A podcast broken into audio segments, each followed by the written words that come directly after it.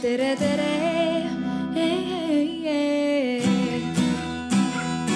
Eestimaa.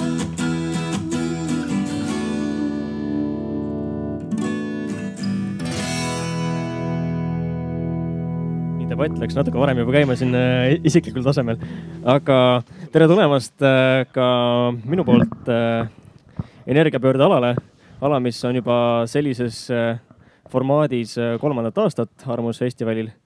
sellises äh, formaadis, mis kasutab väga palju äh, taastuvaid äh, lahendusi äh,, korduvkasutatavaid lahendusi, looduslikke lahendusi äh, presenteerib natukene nii-öelda taastuvenergiat, eks ole, nagu te oma selja tagant äh, näete saabutakse rattaga. saabutakse rattaga, selleni ma tahtsin jõuda.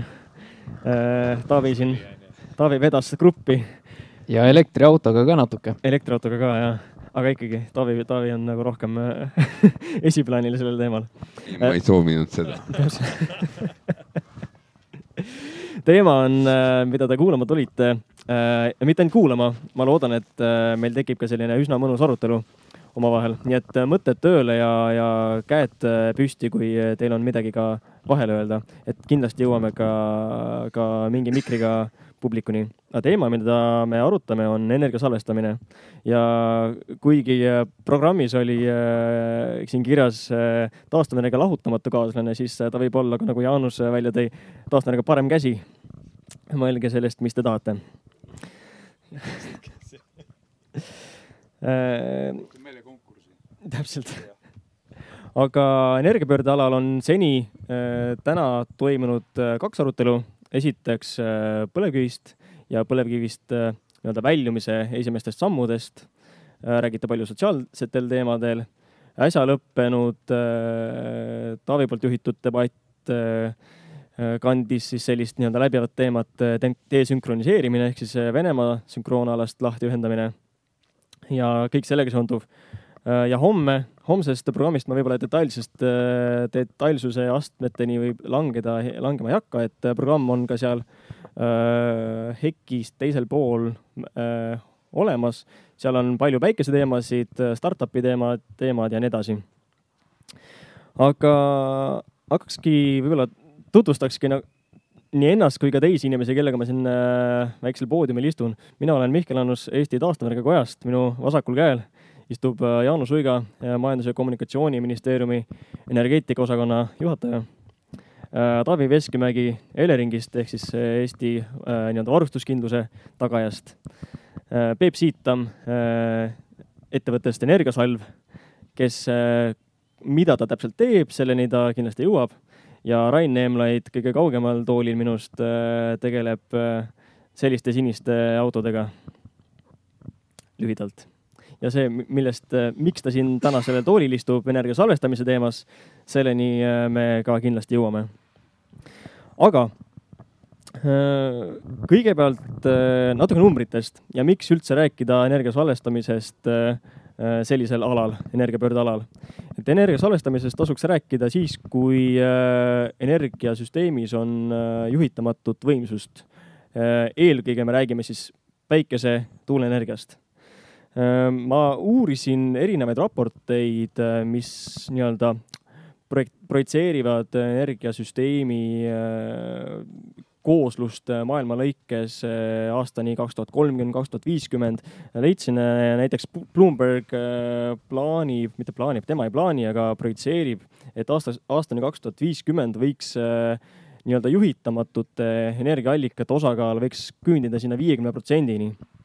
Kui me vaatame eestimaist äh, situatsiooni, siis äh, võib-olla kõige parem äh, dokument, millele viidata, on riikliku energia kliimakava mustand, mis näeb ette, et taastuvenergia osakaal jääb sinna umbes sinna kolmekümne üheksa kanti või kolmekümne kaheksa kanti ning taastuv, tähendab juhitamatute ehk siis tuule ja päikese osakaal jääb sinna kahekümne seitsme protsendi kanti.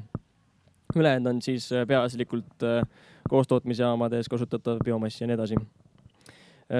taastuvenergia koda on loomulikult teinud ka enda selline, sellise, sellise äh, alternatiivse kava või visiooni, milline võiks olla äh, elektri tootmine aastal kaks tuhat kolmkümmend. selle kava kohaselt neid juhitamatuid tootmisvõimsusi on umbes osakaaluga kuuskümmend viis protsenti. me üritan seda debatti või diskussiooni õigemini, mitte debatti, jagada kahte ossa, et esiteks võib-olla räägiks tehnoloogilistest lahendustest ehk siis võib-olla need kaks härrasmeest taamal. ja teiseks, mis on ka väga tähtis osa sellest debatist, ehk siis energiasüsteemi või elektrisüsteemi üldine muutumine ja miks üldse salvestuslahendused sellises kontekstis on päevakorras. aga enne kui me nüüd tehnoloogiatesse sügavuti maandume, siis äh, küsikski teilt sellise üsna äh, populaarse küsimuse või sellise teadmatu küsimuse, et aga mis siis juhtub, kui tuul ei puhu või päike ei paista, mis siis saab? ja see küsimus on selline, millele kõik võiksid vastata. ma teen siis otsa lahti, eks ma äh,, töötab see, jah äh, mis siis juhtub, kui, kui tuul ei puhu ja päike ei paista? noh, siis, siis ei ole tuult ega päikest, et see on selline üsna tavaline veebruari nädal, onju. aga või... kui, kui keegi tänavalt küsib, et ah, sa töötad seal MKM-i energeetika osakonnas, et tegeled seal taastuvenergiaga osaliselt, et see on ikka jama, et mis me neid tuuleparke ja päikeseparke püstitame, et niikuinii on, tekivad sellised sellised äh, perioodid, kus tuult ei puhu ja päike ei paista, et mis, mis temale vastata? ja noh, see on, sellega me anname hästi sellise palli jala ette siin järgmistele inimestele, aga, aga eh, praegu ei ole ju selget probleemi, praegu meil on äh, neid nii-öelda juhitavaid tootmisvõimsusi, mida Äh, mida kasutada on piisavalt ja tulevikus äh, me peame hakkama mõtlema ka sellise salvestuse peale, on see siis kas hetkeline või ka hooajaline ehk siis inglise keeles seasonal storage. ja noh, need, aga nende lahenduste pärast ei pea muretsema nagu täna, et, et hakkame kõigepealt pihta, et teeme need taastuvenergia arendused, äh, paneme töösse, mis ka ühe päevaga ei valmi ja siis me saame hakata edasi vaatama, et praegusel juhul kindlasti seda probleemi ei ole, et Taavi saab täpsemalt. Ja mina seda olukorda ei karda, et äh, aga äh, ma läheks natukene edasi ja, ja, ja siiski avaks, et äh, miks ma seda noh, ei karda või ka tulevikku vaatavalt, eks, et, et nii nagu siin Eesti energeetika arutelus rohkem osalevad inimesed hästi teavad, eks ole, et noh, minu vaade on selline, et, et ei ole olemas niisugust asja nagu Eesti elektriturg ja Eesti elektrisüsteem on üks Euroopa elektriturg, üks Euroopa elektrisüsteem. Kõiki lahendusi tuleb vaadata selles kontekstis. ehk et kui me räägime ka sellest, et päike ei puhu või päike ei paista ja tuul ei puhu, et eh, siis ilmselgelt ka täna me siiski varustuskindluse puhul juba äh, võtame üle-euroopalises varustuskindluse analüüsis siiski arvesse seitsme, seitse protsenti taastuvate allikate installeeritud võimsust et seitse protsenti siiski nii-öelda kuskil Euroopas siiski noh, kuna ala on piisavalt suur, kuskil siiski tuul puhub ja päike äh, paistab ka sellel veebruarikuu nagu kirjeldatud äh, päeval. ja noh, me kõik teame, et see ikkagi suuresti nagu baseerub, eks noh, kui me räägime tuulest, eks maismaatuulel aga kui me noh, ja no ütleme, Eestis on maismaatuule, eks ole, tuuleparkide siin ajalooline keskmine kasutegur kuskil kakskümmend kaheksa Äh, protsenti, aga kui me nagu läheme noh merre, siis isegi nende noh meretuuleparkide puhul, mida me siin Eesti rannikul vaatame, räägime kasutegurist viiskümmend protsenti ehk see seitse protsenti potentsiaalselt ma tulevikus näen, mida me saame ka varustuskindluse puhul võtta arvesse. noh, alati kuskil päike paistab ja tuul puhub Euroopas, eks ju ole. see on oluliselt suurem et, et, et kindlasti selles mõttes nagu väita, et tulevikus noh, taastuvenergia mitteplaneeritava töötsükliga tootmisseadmed varustuskindlusse ei panusta, on vale. selline hea lühike vastus siis äh, tädi Maalile tänavalt. et äh, väga hea. aga me räägime alati nüüd sellest, et energiasektor on muutumises. aga miks, miks ta, miks ta peaks Peep, kas sa tahad lisada sellele? ja Peep tahab muidugi.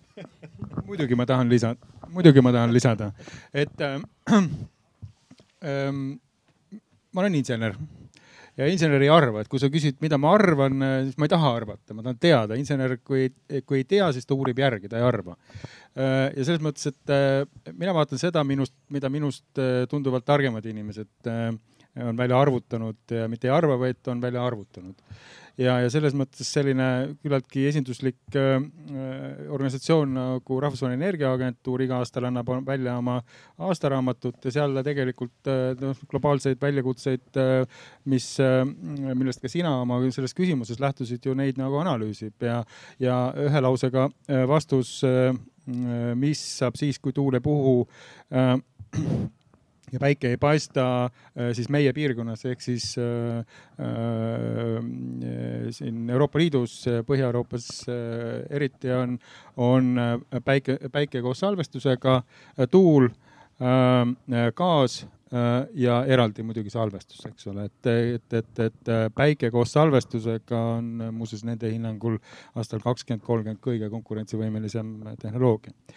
muuseas aastal kaks tuhat kaksteist, kui me tegime koostöös taastuvenergia kojaga esimese taastuvenergia saja siis sellise visioondokumendi, mida on hiljem ähm, nagu ajakohastatud vist mingisugune paar aastat hiljem, siis täpselt samasuguse järeldusele jõudsime me selles dokumendis. Ja ma juhin tähelepanu, see oli aasta kaks tuhat kaksteist, seitse aastat, siis meid naerdi välja sellega nimest nimetamata ja täna me oleme seal, kus, kus, kus see on nagu tegelik reaalsus nagu Rain.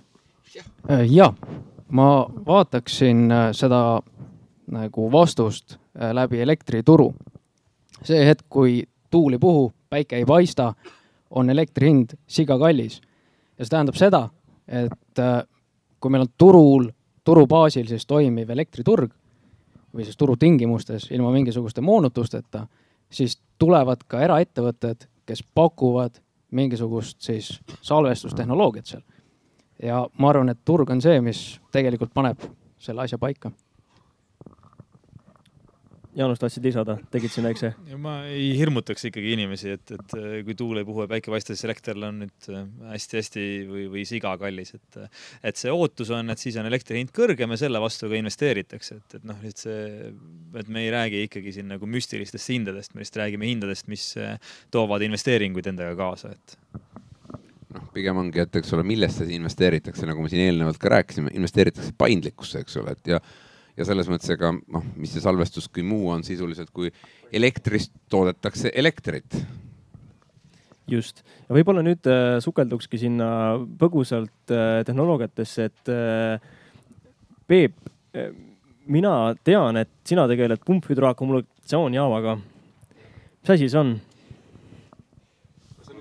ja miks sellel nii pikk nimi on? see on selline inglise keeles tõenäoliselt otsetõlge pumped hydro energy storage või ähm, keerulisemaid nimesid on ka. aga jah, põhimõtteliselt on selline kõige lihtsam äh, Äh, viis energiat salvestada siis äh, raskusjõu toim, toimel, et, äh, et siis, kui vett ülevalt reservuarist alla lasta, siis ta toodetakse, genereeritakse elektrit ja, ja siis vahepeal tuleb ta üles-tagasi pumbata ja kasuteguriga kaheksakümmend, kaheksakümmend kolm, siis, ähm, siis ta seda energiat nagu salvestab, et selles mõttes ta on kõige selline looduslähedasem, samas kõige suuremahulisem, ükski, ükski teine täna seal ligilähedale nagu ei jõua ja, ja hinna mõttes täna ka kõige, kõige nagu konkurentsivõimelisem, et, et äh, seal on omad puudused, näiteks see, et looduslikke asukohti maailmas äh, jääb ju järjest vähemaks, eks ole. ja nii edasi, nii edasi, edasi, aga, aga no põhimõtteliselt ta on täna ikkagi selgelt äh, noh, kõige käegakatsutavam salvestusvõimalus kui palju selliseid äh, süsteeme maailmas üldse kasutada, kasutusel on praegu? no seal on, äh, ütleme sadu, ma ei taha öelda tuhandeid, eks ole, aga sadu äh, ja, ja, ja, ja see meie väike projekt on, on üks nendest paljudest sadadest ja võim- ja tavaliselt tavaliselt neid võimsused ähm, on seal tuhandest megavatist nagu ülespoole. et nad on isegi üsna, üsna suured ühikvõimsused süsteemis, et äh, ei, ei, ei, soomlased ütlevad, ei ühte on midagi uut, et see on, see on täiesti vana ja järgi proovitud asi. aga miks Eestil seda vaja on? Ähm, ma arvan, et seda on vaja, äh, seda on vaja nagu ähm, äh, tarbijatel sel lihtsal põhjusel, et, et ta päeva lõpuks paindlikkusteenused, mida nad teevad, tegelikult nad siluvad neid samu sigakalleid tippe, nagu sa ütlesid, toovad neid hindu allapoole ehk siis ei lase sellel, nendel hindadel kuskil kõrgustesse äh, äh, tüürida ja, ja, ja, ja äh, seda on vaja riigil kliimaeesmärkide saavutamiseks, sest nii huvitav kui see ka ei ole, siis pumpjaamad kogu maailmas lükkavad tegelikult nii-öelda fossiilseid elektrijaamasid Äh, merit orderis nii-öelda tahapoole, vähendades seega siis nagu fossiilsete kütuste kasutamist ja vähendades äh, siis äh, muutuvkulude, muutuvkulusid, mis tähendab tegelikult väiksemaid ühiskonnakulusid. Süsteemihaldurist mina ei oska rääkida, seda oskab võib-olla Taavi öelda, aga, aga me üritame sellest ka mingil hetkel kasu saada, nii-öelda majanduslikku kasu. aga võib-olla Taavi kommenteeriksidki kohe, et kuidas äh Elering, Eesti süsteemihaldur, sellisesse projekti või sellise projekti võimalikku valmimisse vaatab? Oi, kindlasti. kui on jäänud selline mulje, et Elering on elektrijaamade vastu, siis on see vale mulje. et kindlasti selles mõttes eh, Elering on elektrijaamade poolt, et mida rohkem on Eestis elektrijaamu, seda lihtsam on meil oma tööd teha, et eh, kui on palju elektrijaamu, läheb dispetšer õhtul magama, hommikul ärkab üles, tuled põlevad aga kui elektrijaamasid on väga vähe, siis dispetšer õhtul magama minna ei saa ja peab kogu aeg nende kangidega seal opereerima, et ikka tuled põleksid, nii et selles mõttes me suhtume kindlasti hästi, millesse me suhtume halvasti. ja printsiibiliselt kõigi asjade puhul on see, et, et tuleks maksta peale sellele, et selliseid asju teha. Ehk et meie oleme väga selgelt nende lahenduste poolt, mis on turupõhised ja tasuvad ennast äh, nii-öelda majanduslikult ära selliselt, et tarbija ei peaks siis äh, üksta ühel või teisel kujul nii-öelda sotsialiseerituna maksma nendele projektidele peale, sest noh, meil on ka ja mitte, et see oleks mingi niisugune Taavi Veskimägi tunne, et niimoodi peaks olema, vaid Eleringil on selgelt missioon hoida tuled põlemas, aga teha seda sellisel moel, et see toetaks Eesti majanduse konkurentsivõimet. nii et noh, kui me räägime Eesti suurtarbijatega, siis noh, nende kõige suurem küsimus on see, et noh, vanad, miks võrgutasud on nii kõrged, eks ole. mida rohkem me igasuguseid asju võrgutasusse ajame, seda kõrgemad nad on, eks ole, ja samamoodi ka taastuvenergia toetusega, et see ei ole mitte niisugune meeldib, ei meeldi e, nagu valik meie jaoks, et, et aga kindlasti, kui Peep ja teised teevad selle asja valmis, siis kindlasti Eesti elektrisüsteemile annab see ja mitte Eesti elektrisüsteemile, ütleme Euroopa elektrisüsteemile annab see kindlasti palju juurde. Selge pilt. aga sa mainisid, et, et elektrijaama vastu ei ole, aga kas see siis on elektrijaam, on see salvestus? mis see täpselt on ja kas, kas tulevikus või ka praegu, kas vahe elektrijaama ja salvestusjaama vahel, kas seal on üldse mingit vahet või kas me peaksime seda eristama? Ei no on ikka vahet selles mõttes, et, et ma oleks pidanud olema jah, oma jutus, sissejuhatuses jutus võib-olla nagu täpsem, et ta on aku. ta on äh, nii-öelda looduslik aku ehk et ta ei ole elektrijaam selles mõttes, et ta genereerib energiat. päeva lõpuks ta on ikkagi tarbija ja, ja tarbib seda siis äh, äh noh, nii-öelda äh, kuskil seitseteist, kakskümmend protsenti rohkem kui kui ta siis ise genereerib, ehk siis vastus küsimusele on see, et ta on tarbija. ja ma arvan, et äh, elektrijaama ja, ja aku vahel on äh, vahe ka, ka tulevikus, eks ole, et asju tuleb nimetada õigete nimedega.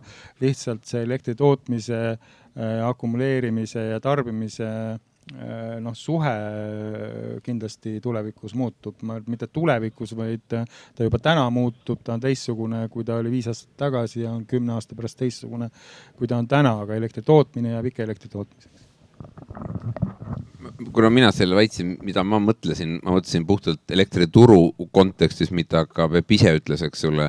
et kui me vaatame nüüd seda merit order'it, et noh, kes siis elektrit pääsevad müüma, siis mingitel tundidel eh,. nii nagu iga teine salvestustehnoloogia nagu ma ei tea, akupatareid, eks ole, või ma ei tea, mis iganes muu eh, tehnoloogia, et ta lükkab elektrijaamasid turult välja, et ta selles vaates on nii-öelda meie jaoks kui me, kuna meie ülesanne on hoida tootmine, tarbimine reaalajas tasakaalus, eks ole, siis me noh, saame teda vaadata nii tootjana kui tarbijana, eks ole, potentsiaalselt, et, aga kuna jah, täpselt nii ongi.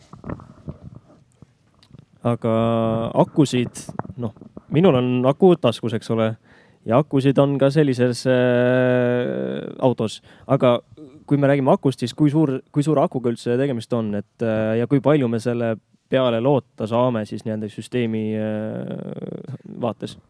meie akust räägime? just, just ikka, ikka suunan küsimused praegu sinule. akust, et äh, selle nominaalne planeeritav võimsus on viissada megavatti.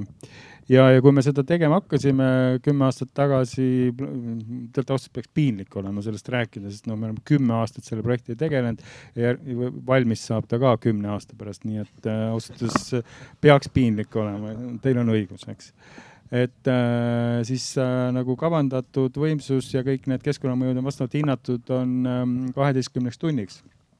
ehk siis sihuke kasutegureid arvestades viis pool gigavatt-tundi äh, peaks tal siis nagu tsükli võimsus olema, aga teisest küljest äh, me täna teda tegelikult ikkagi reaalselt tõenäoliselt nii palju tunde me ei kavanda sel lihtsal põhjusel, et äh, me ei tea, mis, mis elektriturg, milliseks ta kujuneb siin siis, kui see pumpjaam valmis saab ja võib juhtuda, et, et see salvestusmaht äh, mille vastu me julgeme eh, siis investeeringut eh, investorile pakkuda, on, eh, on ikkagi väiksem kui, kui see viis pool, kuus gigavatt-tundi. kui suur, seda ma ei tahaks nagu öelda, aga see sõltub väga, ütleks nii, et sõltubki sellest, millised on nagu riigi noh, majanduspoliitilised või energiapoliitilised valikud, mida ta eelistab, mida ta, millesse ta investeerib, sellest sõltub väga palju ka meie projekti maht tegelikult võib-olla küsikski kohe Jaanuselt, et äh, kuidas äh, MKM sellisesse projekti suhtub? just sellise nii-öelda väikse sissejuhatuse najal, mis äh, Veep oma viimases lauses ütles no e, kindlasti on, e, meil on täpselt sama seisukoht nagu Taavil, et, et e, elektrijaamade vastu ei ole meil midagi ja, ja veel parem, kui nad tulevad turupõhiselt. noh, riigil on muidugi vaade ja kohustused taastuvenergia osas, ehk siis taastuvenergia projekte me siiski toetame, kuigi skeemi tahame muuta, et oleks vähempakkumiste põhine, mitte selline lihtsalt fikseeritud number turuhinnale otsa selline salvestusprojekt, äh, meil ei saa selle vastu midagi olla, et siin ongi, mul oleks kohe küsimus, et mis need, mis need otsused või, või mitteotsused on, mida sa riigilt ootaksid, et, et see projekt tuleks? Äh, noh, tegelikult väga lihtne, et äh, salvestid on vajalikud nendes süsteemides, kus see volatiilsus on ajas kasvav ja kui, kui, kui riik peaks võtma äh, seisukoha ja investeerima tegelikult põlevkivi energeetikasse maksumaksja raha, siis see on meile või investorile üliselge sõnum, et ta tahab nii-öelda fossiilsetel energiakandjatel põhinevat energiasüsteemi noh, pikaajaliselt äh, rannida või noh, siis, siis ta näeb selles nagu seda varianti. ja, ja, ja noh, ütleme taolises olukorras ükski mõistlik investor, noh, ütleme nii, et noh, selleks, et oma investeeringut realiseeriks äh,, investeeringut teeks äh,, ta peaks olema puruloll, kui ta ei küsi nii-öelda samamoodi äh, siis toetust äh, samamoodi nagu fossiilsetele energiakandjatele makstakse. me siis konkreetselt Eesti puhul räägime nagu põlevkivist, rafineerimistehasest ja ja, ja, ja siis seeläbi täiendavate võimsuste loomisest siis põlevkivi gaasi jaoks. ütleme, meie jaoks kõige suurem riskifaktor ongi äh, noh, riigi äh, riskifaktor on võib-olla vale öelda, aga ütleme, see, mida me kõige tähelepanelikumalt jälgime, on riigi käitumine siis energiavalikute tegemisel okei okay., no ja siin ongi see põhjus, miks see toetuste ring ongi lõputu, et, et maksad ühele, siis pead järgmisele maksma, et neid riske maha võtta kõike muud. noh, selles osas põlevkivi otsepõletamist äh, elektri tootmiseks ju ei kavatseta toetada, et äh, pigem nagu selle äh, põlevkivisektori transformatsioonist räägime ja õli tootmine, rafineerimistehase rajamine, kui seda toetatakse, ei, ei konkureeri elektriturul, et sealt need võimsused, mis tulevad, on olematud võrreldes sellega, mis no võrreldes nende seitsmesajaga, mis välja lähevad, on ikkagi, ikkagi väga-väga väiksed võimsused, et aga see on huvitav, et ma ei, ma ei teadnudki, et see, see selline murekoht on. aga rafineerimistehas ühtegi kilovatt-tundi elektrit ei tooda kindlasti onju. võta mikker ka siis jah. kuule nüüd räägi see jutt, mis sul tegelikult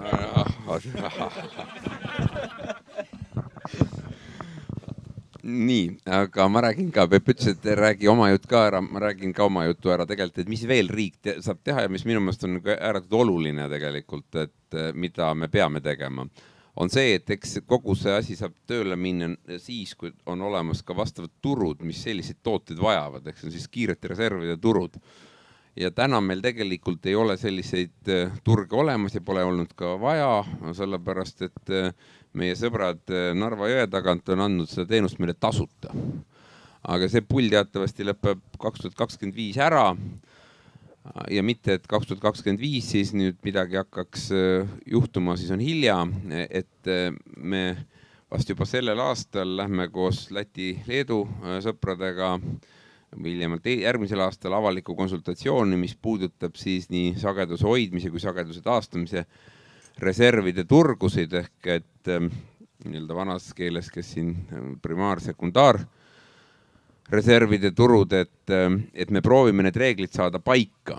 Ehk et tegelikult äh, tõenäoliselt sellised tehnoloogiad just väga selgelt on, on sellistele turgudele ka äh, orienteeritud äh, äh, ehk et üks asi, mida me saame teha, ongi luua nagu mingi aeg ette sellise nii-öelda nagu väga selge äh, tururaamistikku, mille vastu siis neid investeeringuid on võimalik teha, sest noh, tõenäoliselt noh, on mingi algoritm, eks ole, päeva lõpuks teil, kus te siis sisuliselt optimeerite, et millisele turule millist toodet te tegelikult pakute, et mis läheb sisuliselt nii-öelda siis selle sageduse hoidmise, mis sageduse taastamise, mis käsitsi käivitatavate reservide turule, mis, eks ole, päevasisesele, päev ette. et, et lihtsalt noh, huvitav nagu fakt, et mul oli siin võimalus just rääkida Pekka Lundmarkiga, kes on Fortumi juht ja tema ütles väga selgelt, et neil juba Rootsis nagu noh, puhas patarei on break-even'is noh, mis nagu selles mõttes noh, minu jaoks annab ka nagu üsna niisuguse noh, tugeva, tuge-, ilma igasuguse toetuseta, eks ole. ma ei tea, kas neil need võrguühendused olid välja ehitatud või mitte, aga noh, nii-öelda otsese toetuseta, eks ole.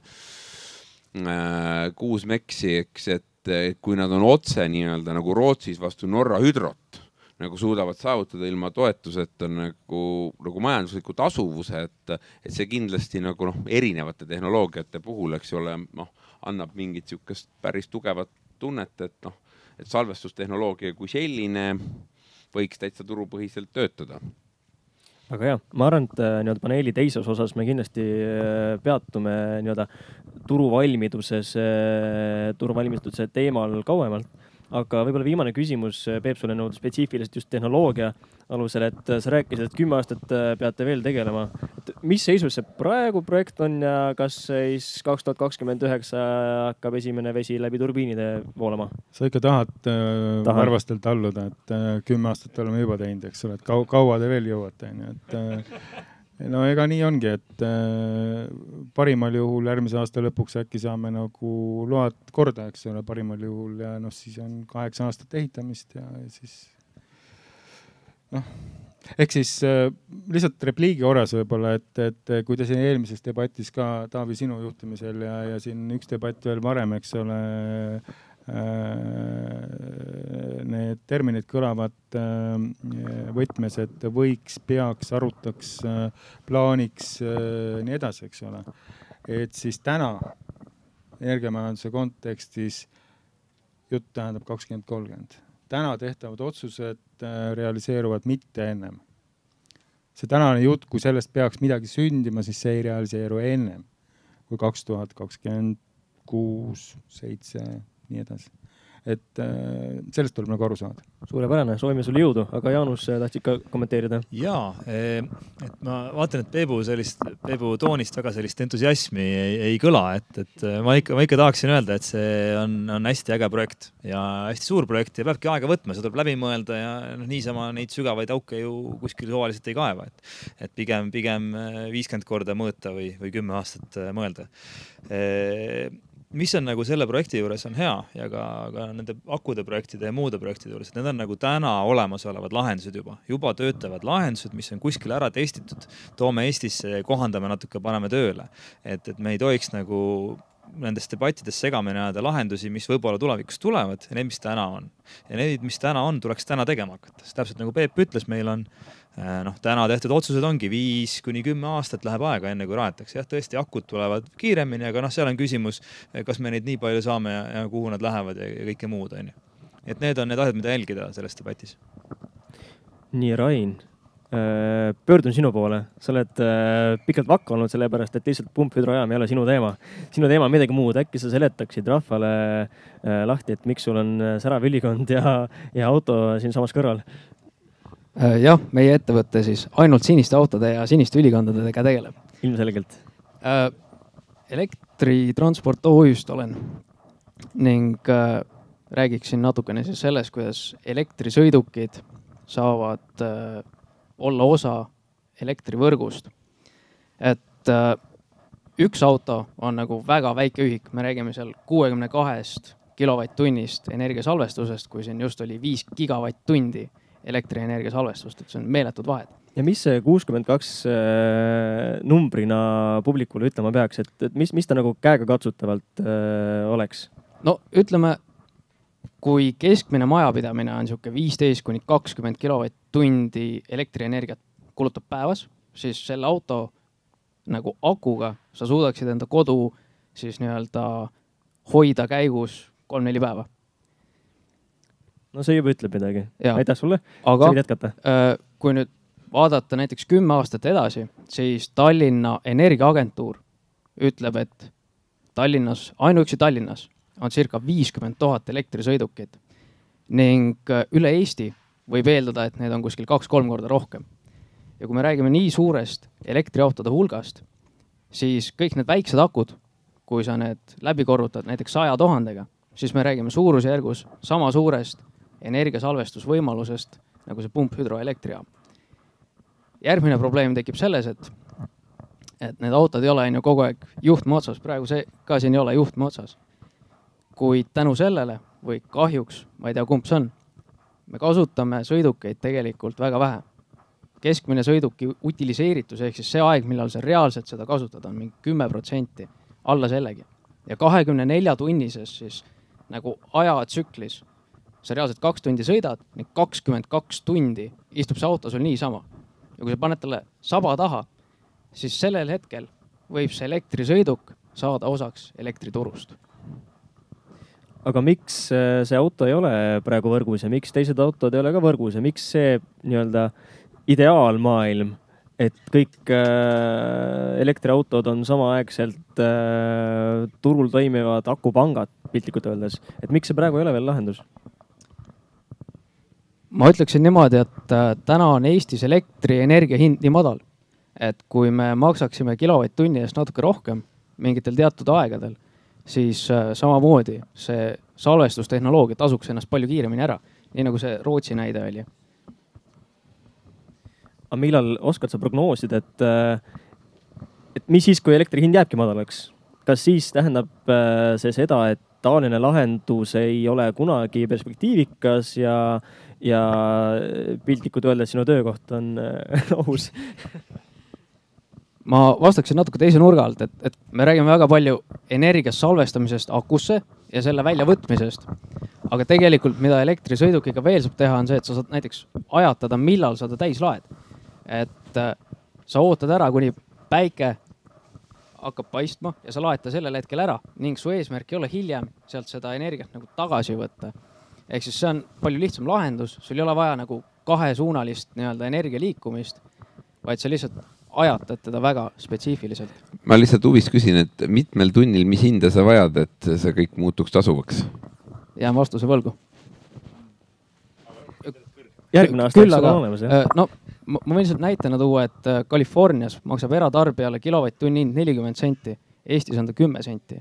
see on eratarbijale, et noh, kui, kui hind on neli korda kallim, on ju, et, et siis hakkavad siuksed lahendused väga kiiresti ennast ära tasuma noh, äkki on muid võimalusi ka, kui inimestele neli korda kallimaks elekter muuta, et äh, jah, võib-olla. ei noh, kui seda salvestusest vaatame pärast, et mis need numbrid täpselt olid, eks ole, sest noh, kõik, kõik arutelud on pärast salvestusena kenasti podcast'ina kuulatavad.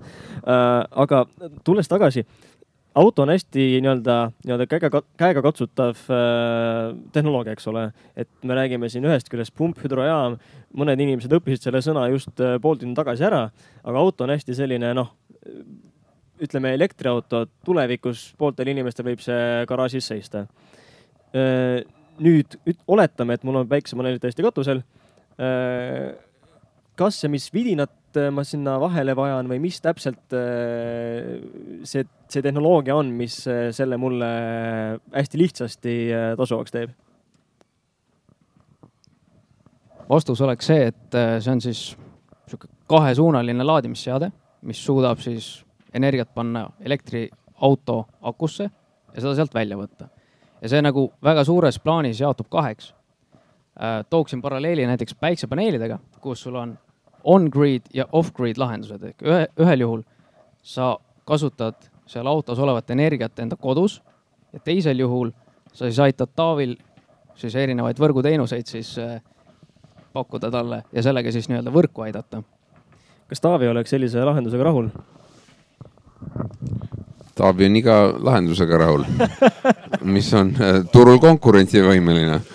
Nii et selles mõttes me, meie oleme kindlalt tehnoloogia neutraalsed, eks ole, meil nagu ei ole eelistust, eks ole, välja arvatud see, millest Jaanus siin rääkis, millest me rääkisime eelmine kord, eks. et, et riigil on kliima, energiakliimakava, eks ole, meil on seal väga selgelt eesmärk lõpuks olla kliimaneutraalne ja loomulikult see on asi, millele me aitame kaasa, ehk et kindlasti nagu kõik need tehnoloogiad, kõik need nii-öelda käitumismustrid, mis aitavad selle nii-öelda poliitika saavutamisele kaasa on midagi sellist, mida me siis tegelikult mõtleme, et kuidas me turgu disainime ja päeva lõpuks on ju turureegel ka mingi kokkulepe on ju, kuidas siis nagu seda disainida.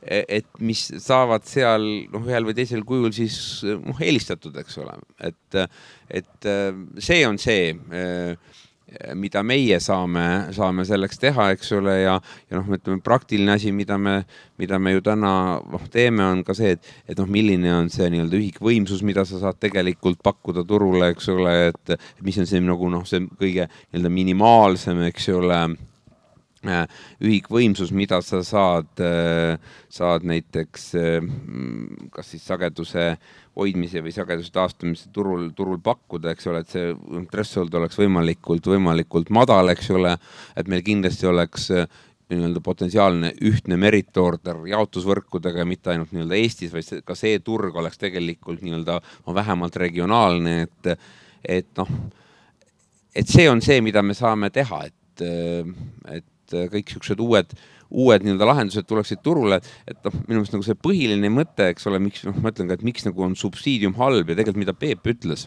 minu meelest nagu noh, mida ääre-veeri välja on see, et, et noh, mida iganes keegi poliitiliselt või administratiivselt nagu võtab nagu pähe subsideerida, see võtab igasuguse ruumi tegelikult innovatsiooniks. see on ka see, miks näiteks Põhjamaad on täna kokku leppinud ministrite tasemel, et nemad võimsusturgu ei käivita sest võimsusturg tapab tegelikult tehnoloogilise innovatsiooni, sa sisuliselt valid välja mingi hulk elektrijaamu, kellele sa maksad nii-öelda võimsuskomponendi peale ja ükski uus tehnoloogia turule tulla ei saa. lihtne. Peep jah, et äh, see on see nõiaring, millest väljasaamine, siis toetuste nõiaring äh,, mis sai alguse ju Terasetööstuse Liidu moodu, äh, nii-öelda moodustamisega Euroopa Liidu alguses, eks ole, et millest äh, on pagana-pagana raske välja tulla, eks ole, ja, ja, ja tegelikult, kui me vaatame ma kasutan siin jälle selle Rahvusvahelise Energiaagentuuri nagu andmeid Euroopa Liidu kohta, et siis tegelikult see nõiaring süveneb ehk siis äh, kaks tuhat seitseteist versus äh, kakssada, kaks tuhat kakssada, ähm, äh, kaks tuhat kümme, siis vahe turult saadud energia hinna ja kulude vahel on oluliselt kasvanud. no oluliselt on võib-olla minu liialdus, aga ta ei ole vähenenud, ta on kasvanud, mis tähendab seda, et turud lihtsalt ei toimi see ei ole mitte. pärast sellel samal teemal. ma ütlen ühe kommentaari, see ei ole mitte turu mittetoimimise küsimus, see on nagu see tegelikult, et poliitikutel ei ole närvi lasta turgudel toimida. sama Just. jutt aga selle, sellele teemale võib-olla selles debati teises osas äh, tuleme tagasi. Jaanus, jäta, jäta oma mõte meelde, eks ole, salvesta see kuklasse ära, äh, sest äh, Raini teemalt natukene nagu kaldusime eemale, et aga see küsimus oli selgelt olemas, et kellele see siis lõpuks kasulik, kasulik on, et kas, kas ta on siis elektriauto omanikule, automüüjale äh,, Eleringile või nii-öelda kõikidele Euroopa Eleringidele või, või, või noh, kuskil, kas, kas kõik käed pesevad kõiki käsi või, või kuskil on ka mingi kaotaja? ja see on tegelikult hästi huvitav küsimus, sest et äh, noh, ideaalis võiksid kõik võita. Äh, rääkisin hiljuti ühe bilansihalduriga, äh, kes siis nagu rääkis ka, et kui tema siis nii-öelda hallatavas bilansis tähendab seda, et ta kuskilt ostab energiat kokku ja siis müüb edasi ja vaatab, et see kõik oleks tasakaalus. kui keegi kuskil hakkab midagi reguleerima ehk siis vahepeal näiteks tarbimise kinni või siis müüb hoopis võrku tagasi, siis ta ütleb, et tema täna kaotab, sest et tema on börsilt selle elektri hulga ära ostnud. ja kui nüüd tarbija enne seda, kui ta annab teada, et kuule, et ma tegelikult homme sellel kellaajal ei tarbigi elektrit. kui bilansihaldur on selle juba ära ostnud, siis päevasiseselt, kui ta hakkab seda elektrit müüma, siis ta tegelikult tihtipeale kaotab. nii et äh, ma näen, et see, see turg peaks nagu arenema sinna, kus siis me tegelikult kaasame kõiki turu, turu osapooli. mis see kitsaskoht siis on no.? Äh, täna sai siis nii-öelda bilansihaldur sai osta pükse. ahah, selge. no kes on bilansihaldur, eks ole, et äh, kuidas, noh, ma ei tea, kas me hakkame, läheme sellesse arutellu, see on niisugune aga... no, torka natukene näpp sinna sisse ja siis vaata, mis, mis sealt välja tuleb, kas noh, bilansihaldur on elektriturul selline tegelane, kes selle nii-öelda tarbimises või portfellis on siis nii-öelda tootmine, tarbimine ja, ja see, et kuidas meie oma tööd teeme, ongi see, et sisuliselt kõik Eesti nii-öelda tootjad, tarbijad on bilansi vastutusega. Ehk kõigil peab olema bilansihaldur, kes oma bilansiportfellid hoiavad tasakaalus ja kui nemad hoiavad oma portfellid tasakaalus, on kogu süsteem tasakaalus ja siis, kellel pole süsteem tasakaalus, nendele siis me kas ostame, kellel on ülejääk või müüme ja bilansienergia on alati turul kõige kallim energia, et keegi ei läheks bilansienergiat kasutama. ja vot siin ongi nüüd lihtsalt siin see eelkirjeldatu ongi nagu väga selge nagu turudisaini valik, eks ole. ehk et see turudisaini valik ongi see, et, et kas agregaatorid nagu äh, saavad äh, reguleerida bilansihaldurite portfellides äh, nii-öelda oma tarbimist ilma selleta, et nad kompenseeriksid bilansihalduritele juba ostetud energia me valisime, et jah, saavad. sellepärast, et lihtsalt tarbimise juhtimist noh, nii-öelda soodustada, et tarbimine juhtimine tuleks aktiivsemalt turule, noh, väga selge turudisaini valik. Jaanus. ja, et ma toon sellise lihtsa näite juurde, et, et noh, kui, kui mina lähen nädalavahetusel kodust ära ette planeerimata ma bilansihaldurile ei helista ja panen nagu kõik kinni, siis neil on ka ju, jääb see energia tarbimata, et selle eest ju ei saa mulle trahvi teha, et, et ma arvan, et see ei ole ka õige nagu sellise agregeeritud või, või aktiivse juhtimise eest nagu hakata kliendile trahvi tegema et.... ma, ma, ma ei taha öelda, et see vale on, aga lihtsalt äh, ma arvan, et me peaksime võib-olla leidma mingisugused moodused, et äh, meil ei tekiks nagu energiaturul võitjaid ja kaotajaid. Vähemalt sellises äh, määras. Noh, kui meil toimub selline transformatsioon, siis meil kindlasti on kaotajad ja kaotajad on kindlasti fossiil energiatootjad, et, et kui me tahame üle minna kliimaneutraalsele ühiskonnale, et, et selle, selles mõttes seda nagu päris win-win-win-win'i ei saa teha, et, et siis peavad lihtsalt kaasa minema ja võtmagi uued ärimudelid, ega bilansihaldur võib ka hakata sellise agregeerimisega tegelema ja, ja oma portfelli selle läbi nagu kaitsta. et ta päris niimoodi otsest ka, ta saab ainult selle elektrienergia hinna osas kahju, aga muus mõttes ta saab võib-olla kasu, et ta saab sellise ülejääva positiivse bilansi maha müüa, onju. suurepärane väga hea sisend äh, tänaseks debatiks. Äh, aga me oleme kiusanud siin äh, Peep Raini, aga tegelikult ega salvestuslahendused ei ole ainult akumulatsioonijaamad ja, ja, ja autoakud, eks ole.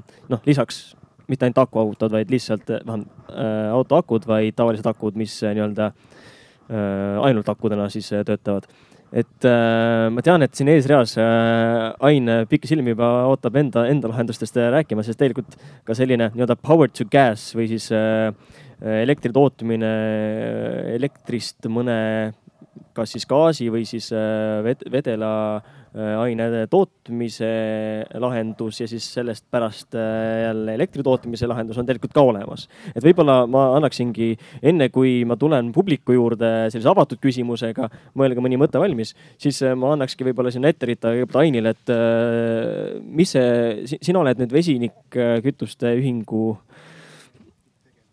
tegelane, täpselt. jah, tervist. Kõigepealt tahaks seda Raini komment-, äh, Raini, äh, mis ta on siis, akusse äh, elektri salvestamist kommenteerida.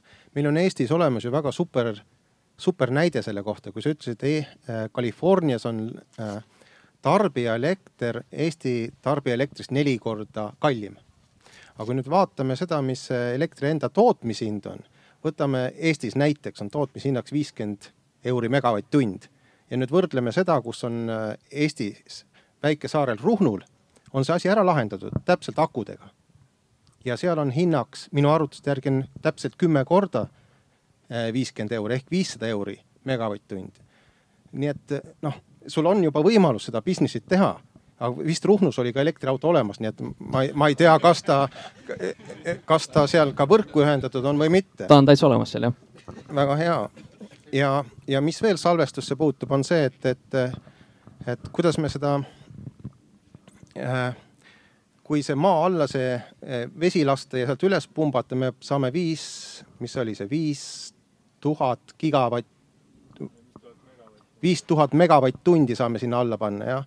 aga täna maagaasivõrgus on täpselt kümme korda nii palju täna torus gaasi sees ja kui me vaatame nüüd, kuidas me seda elektrit saame tulevikus nagu salvestada, siis me peaksime nagu kokku panema kaks äh, süsteemi, see on maagaasitorustik, äh, elektritraadid ja me saame teha äh, vesinikku elektrist ja seda sisestada maagaasivõrku. Eesti maagaasivõrk ei võta seda kõike vastu, aga maagaasivõrk on piirideülene nii et see tähendab seda, et me peame läbi rääkima soomlastega, lätlastega, leedulastega ja, ja, ja, ja mitte ainult ei saa gaasiks teha, saab ka teha äh, nagu varem nimetatud äh, power to liquid ehk mingiteks äh, süsivesinikega siduda. Nii et salvestusmeetodeid on erinevaid. kommenteeriks korra seda tänast nii-öelda Eesti turgu ja elektriautodega siis salvestamist. probleem on suuresti selles, et meil on autosid nii vähe, et kui elektriautode enda turg kasvab, siis me saame seda palju lihtsamalt teha Taavi? jah, ütleme ilmselt kõigist nendest äh, salvestusteemadest mõneti meile nii-öelda kõige lähem on power to gas lahendused ja mis seal salatagi, Euroopa Komisjon täna, noh, sektor coupling on selle nimi, ehk siis vaatabki elektri ja gaasi nii-öelda varustuskindlust koos kasvavalt, eks ole, ja paljud riigid, näiteks Holland, siin toolgu näitena toodud, on teinud ka juba äh, noh, varustuskindluse kava, eks ole, mitte ainult nagu lähtuvalt nii, et kuidas gaasielektrijaamad saavad gaasiga varustatud, eks varustatud, noh, mitte ainult seda ei vaata siis äh, nii-öelda elektrivarustuskindluse juures, vaid tegelikult vaatabki nii-öelda seda koos ja, ja vaatab ka koos niisuguses loogikas puhtalt nagu sotsiaalmajanduslike arvutuste läbi, et kas on uusi elektriliine mõtet ehitada või on mõistlik tegelikult transportida nii-öelda osa elektrit näiteks gaasina, saades aru, et elektri pikkadel transportidel on kaod, gaasi puhul kadusid ei ole et äh, kindlasti see nii-öelda elektri-gaasisektori nii-öelda koos vaatamine on perspektiivne, eriti nii-öelda noh, Kesk-Euroopas, noh, kus tõesõna isegi selle kasuteguri juures on mõistlik nii-öelda äh, elekter gaasiks äh, nii-öelda transformeerida ja teda gaasina transportida, kuna uute elektriliinide ehitamine lihtsalt on võimatu et kuna noh, nii-öelda suured avamere tuuleelektrijaamad on, eks ütleme siis Põhjamerel, eks noh, läbi Saksamaa ei ole võimalik lihtsalt uusi elektriliine noh, ehitada. Siis ongi tegelikult nagu sellised lahendused, mis noh, ei ole mitte ka teoreetilised, vaid täna täitsa praktiliselt juba Kesk-Euroopas töös, et sellised äh, nii-öelda noh, kombineeritud lähenemist rakendada ma korraks küsin äh, lihtsalt personaalsest huvist, äh, astun natukene nii-öelda moderaatori sussidest välja, et äh, sa mainisid, et gaasivõrgus kadusid ei ole. et mina kooli ajast mäletan, et iga, kui sa pumpad kas vett või gaasi kuskil suunas, siis mingisugused kaod ikkagi on ja noh, ütleme, et et kui suured need kaod siis on, kas nad on lihtsalt nii väiksed võrreldes elektritranspordiga? Olemuslikult ütleme, et noh, muidugi süsteemis on mingid ebatihedused, kuskil kraan on ju, ütleme nii-öelda laseb läbi. aga noh, see on nagu selles mõttes nagu täiesti marginaalne, ütleme tegelikult on gaasisüsteem oma olemuselt nagu suletud süsteem, kus noh, kadu ei esine. nii noh, et see, see on nii-öelda, siis on see transpordikulu on muidugi, kui sa seda, aga noh, see ei ole nende klassikalises mõttes nii-öelda kadu. selge, äh, annan äh, tagasi Ainile ka korra ainult korra täiendan, energiamajanduse arengukavas on sõna vesinik täpselt üks kord mainitud. ja nüüd on, teeme uut kliimakava, seal ei ole vesinikku üldse mainitud, nii et ma pigem ütlen, ärge kartke uurida välja, palju see vesinik maksab. Äh, mitmetes uuringutes on öeldud, et vesinikku me ei käsitle. Äh, Tärn ekspertide arvates on see liiga kallis, aga kui kallis ta on? uurime välja, võtame kasutusele, kui ta võiks mingit majanduslikku tähendust omada kui äh, võib-olla ma tõstan sind kõige liiga kõrgele poodiumile, aga ma käsitlen sind ikkagi nagu eksperdina, et äh, kas sa saaksid vähemalt mingisuguse hinnangu anda, et kui kallis selline lahendus ikkagi on, nii-öelda power to gas, power to vesinik siis öelda? või mis selle kasutegur on?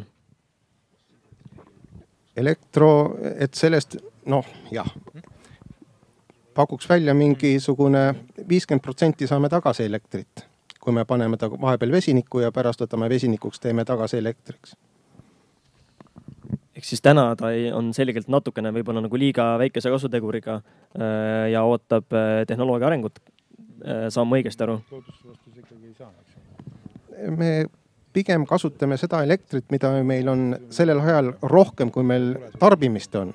mis tähendab seda, et, et see probleem ei ole täna veel käes, et meil on, kui me saame tuuleenergeetikale jalad alla ja meil tekib selline hetk, kus meil on vaja lihtsalt see ülejääv tuuliku tuul kuhugi panna, siis me saame seda hakata konverteerima, olgu ta siis näiteks kasvõi sellesse maagaasivõrku. siia kaua, niikaua, kuni meil ei ole elektrituulikut ja seda, kuidas see on siis, ülejäävat elektrienergiat, nii kaua peame veel ootama arusaadav, siin Jaanus tahab täiendada. ja et, et äh, igal juhul, äh, Ain, on oodatud sinu arvutused selle maksumuse kohta, me oleme kätte saanud äh, muud arvutused, aga ma sellest Exceli tabelist otsisin juba tükk aega neid, neid maksumuse arvutusi, aga igal juhul me neid ootame. et noh, sellepärast nii palju ei muretseks, et, et sõna vesinik on üks kord või, või ei ole ühtegi korda, et, et küll ta sisse tuleb, kui ta reaalselt pildis on. et ma natuke vihjasin ka sellele, kui ma enne rääkisin, et, et me tahaks nagu täna teha Äh, lahendusi, mis täna olemas on, meil on praegu probleeme tuuleparkide rajamisegagi. et, et noh, me, ma ei taha, et me hüppaksime diskussioonis nagu üle, et jätame need tuulepargid vahele, teeme kohe seda vesinikku, super. tegelikult sa ütlesid see välja, et meil oleks tuuleparke ka vaja, et siis me saame seda ülejäävat energiat, mida kuskile muidu panna ei oleks, meil ei ole nii palju võrku, konverteerime selle gaasiks, noh, on ta siis vesinik või on ta mingi sünteetiline gaas, tõesti vesiniku see maagaasi võrku lõputult ei pane, onju. aga kui ta on juba selle maagaasi parameetritega sünteetiline gaas, seda sa lükkad ju lõputult sinna. meil on varsti varsti Balticconnector tulemas, selline suur, suur turg on Kipl, mis Poola ühendab, äh, ühendab äh, ühendab siis äh, Baltikumiga ja, ja vastupidi. et noh, seda, neid võimalusi on, aga, aga noh, minu mure on selles, et me diskussioonis peaksime kõigepealt need olemasolevad asjad ära tegema, mis meil juba nagu töös on. ja siis see vesinik saab ka tulla. et loomulikult, kui ta on konkurentsivõimeline praegu, võtame kohe praegu, kui on valm-, kui on vaja teadus-arendustegevust, noh siis ma arvan, et me võiks lasta Saksamaal või suurtel riikidel selle kinni maksta ja siis võtta juba valmis lahendusi. et kindlasti me seda kuskile noh, et ei, vesinikku me ei, me ei vaata, kõik, mis on konkurentsivõimeline turul, loomulikult nii, Peep soovis ka täiendada. jah, Jaanus küll äh, natuke rääkis äh, sama juttu, mis ma tahtsin nagu öelda, aga, aga, aga lihtsalt võib-olla juurde see ENMAK-i jutt, et äh, et äh, ma natuke olen selle kriitikaga nõus, et, et seal on natuke seda vähe, aga mitte see, mitte kriitikaga selles osas, et seda vähe on, et, et ta on nagu dogmaks muutunud, tegelikult peab ta olema elav dokument, see ENMAK, aga kahjuks ta seda ei ole. et siin ma olen kriitikaga nagu päri, aga, aga see, mis puudutab äh, see, mis puudutab nüüd nagu vesinikku siis, siis kaks asja, lihtsalt kaks märksõna. üks on see, et, et meist palju targemad on ju nii-öelda erinevaid arvutusi teinud ja suhteliselt jõudnud ikkagi sinna, et, et kui see vesiniku kilo hind sinna kahe-kolmeni nagu, ütleme, kolm on juba palju, eks ole, et kui, kui see kolmest alla ei jää, no siis ta muude asjadega konkurentsivõimeline ei ole, onju ja see üks pool, et noh, seda arvutust tuleb kontrollida, kas me suudame seda teha või mitte ja, ja teiseks on see, et, et, et kui see nagu olemas on ja, ja hind õige on. Noh, ega teil nagu muud teha, kui sõna otseses mõttes pressida enda kaupa, noh, siin polegi muud varianti, eks ole, me, me oleme seda oma pumpla asja nagu pressinud kümme aastat, no vaatame, kuhu me jõuame, eks ole, et, et hakake pressima lihtsalt. See on päeva tsitaat, hakake pressima, aga Taavi ei, lihtsalt ma mõtlen praegu siin nagu kõvasti, eks ole, et äh, nagu selle, selle jutu nagu mõtte juures, eks ole, et, et noh, kus see võimalus tegelikult nagu tekib, on ju, et kui me nagu see võimalus tekib ikkagi tõesti avamere tuuleelektrijaamade põhiselt. Eesti elektrisüsteem on mõeldud tuhande viiesaja megavatise tarbimise nagu noh, nii-öelda üldiselt, no loomulikult me nagu-öelda on mingid liinid ja ja nii edasi, eks ole, mis lasevad palju rohkem läbi. aga ütleme, no üldine nii-öelda, et meie riigipiirised ühendused on tuhat meksi võimsust, eks ole, ütleme nii-öelda tuhat Soome, tuhat Lätti. ja meie sisevõrk on mingi niisuguse tuhande viiesajase tarbimise katmiseks nii-öelda disainitud. noh, selge on see, et kui meil tuleb, ütleme nii-öelda tuhat mega installeeritud võimsust mööda Liivi lahte ja tuhat megavatti Hiiu madalale on ju, no siis selge on see, et, et noh pole mõtet seda kõiki nii-öelda elektrina tuua nagu maismaale ja siis proovida teda elektrina siit kuskile suunas, kus see turg on, noh liigutada, noh lihtsalt me ei no,, pole mõtet hakata kogu Eesti elektrisüsteemi ümber ehitama, eks ole, et nagu selliseid koguseid kaupu, kaupa, noh edasi-tagasi liigutada, onju, et, et noh, vot noh, sellistes kohtades tõenäoliselt noh, võiks tekkida nagu potentsiaalselt nii-öelda see võimalus, sest selge, et maagaasi süsteemi võimekus on noh, meil nagu palju suurem, kui me täna seda kasutame, noh, meie utiliseerimise tase on väga madal ja noh, me kuskil hetkel kodumaiselt ei näe, et gaasi tarbimine noh, hakkaks minema üles, onju, vaid noh, ta ikkagi pigem on langustrendis või stabiilne parimal juhul, eks ole gaasi tarbimine kasvab seitse korda Eestis, kui metanoolitehas paika saab ja, ja põlevkiviõli hakatakse rafineerima. olge lahked. Äh, ma annaks äh, sellise nii-öelda tehnoloogilise, tehnoloogiatele keskenduva osa sellest paneelist, selle osa lõpus annaks ka publikule sõna, et äh, kindlasti on teil mõni spetsiifilisem küsimus äh, Peebule, keegi tahab äh, elektriautodest äh, just salvestus nurga alt vaadates rohkem teada, ka vesiniku teemadel kaasa rääkida või hoopis mingisuguse muu teema sisse tuua. et hea meelega, kui, kui teil on, vahepeal ma nägin isegi mingeid käsi tõusis, aga Teet, selge, annan sulle ka. tere, et ma nagu selles mõttes olen optimistlik, et äh, kindlasti on vesinikul oma koht, aga siin jäi kuidagi kõlama see, et nagu praegu akutehnoloogia võimaldaks nagu odavat salvestust kuidagi, et äh, et selles osas küll nagu äh, need hinnad on ülimadalaks läinud. see on täna? ja see on täna, et täna saab akusid osta, mis kestavad kolmkümmend aastat ja rohkem ja ja nagu see on see küsimus on eelkõige nagu selles mõttes, et tehnoloogiad on valmis ja meil tuleb teha täna valikud ja asjad kasutusele võtta ja, ja tegelikult miks me ei kasuta nagu noh, näiteks elektriautode võrgu tasakaalustamiseks on eelkõige Taavi peab tegema võrgu korda, et, et nagu elektriautod saaks müüa võrku äh,. siis peaks riik tegema mingi infrastruktuuri, mille läbi oleks võimalik müüa elektriautode poolt äh, elektrit võrku ja siis, siis ka kindlasti peaks olema mingid tootjad siis lõpuks, kes nagu turul pakuksid nagu selliseid autosid, aga noh, momendil nagu me ei saa oodata, et keegi meie eest ära teeks, et, et kas me teeme ise või ootame, kuni turg sinna jõuab, et et ja, ja see on minu arust natuke pessimistlik lahendus, et et nagu noh, näiteks vesiniku osas, et, et vaata, mis teised teevad, et siis, siis nagu, et kui, kui tehnoloogiad on valmis, siis võtame kasutusele, et midagi võiks proovida ikkagi Eestis välja töötada, et me ei tohiks võtta seda lähenemist, et me me olemegi nüüd äh, tehnoloogia importija maa, et meie ainult kasutame asju ja, ja nagu ülejäänud tehku elektrit, tehku masinad ja meie, meie maksame siis oma raha kinni, et, et kuskilt peab ka meie sissetulek tulema nii, kommentaare? ja suurepärane, võtke arendusprojekt ja küsige EAS-ist raha ja tehke, see on väga hea ettepanek.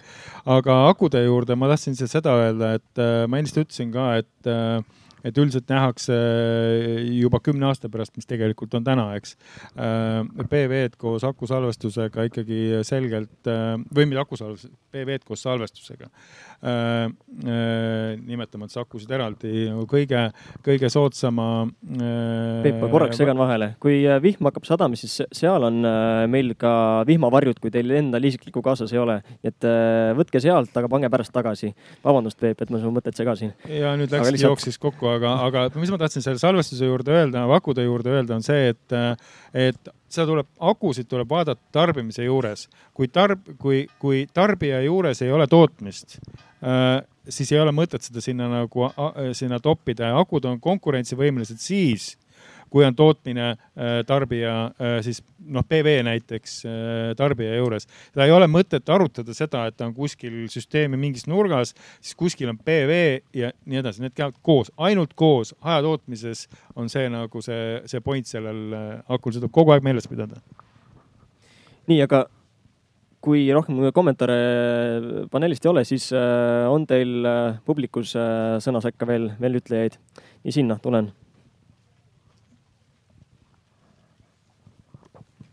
Mul on lihtsalt üks ettepanek. siin oli jutt, et sihukese uue korraliku lahenduse, energiasalvestuslahenduse ehitamine võtab üks kakskümmend aastat. et mul on soov, soovitus, et võtke see, võtke see soomlane, kes seda tunnelit ehitab kampa, et ta teeb kahe aastaga valmis aga, aga sellega seoses tegelikult noh, see, see oli nagu sissejuhatus, aga, aga tegelikult ongi nagu väga suureks probleemiks selle kogu selles maailmas, kogu selles startup'i maailmas üleüldiselt ka, ka, ka siin ma kuulen, eks ole, et, et numbritega mängitakse nagu väga-väga lihtsalt ja numbrid jäävad kõlama, eks ole, et ja mõned asjad tunduvad nagu nii lihtsad ja keegi ei saa aru, miks nagu nendega ei tegeleta.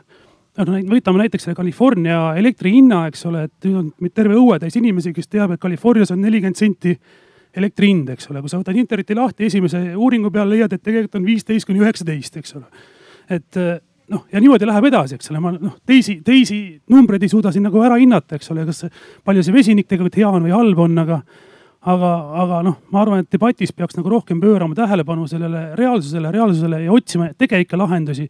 ja meil, mulle tundub, et liiga palju hakatakse mängima nagu nende, nende, nende võltsnumbrite ja võltsinformatsiooniga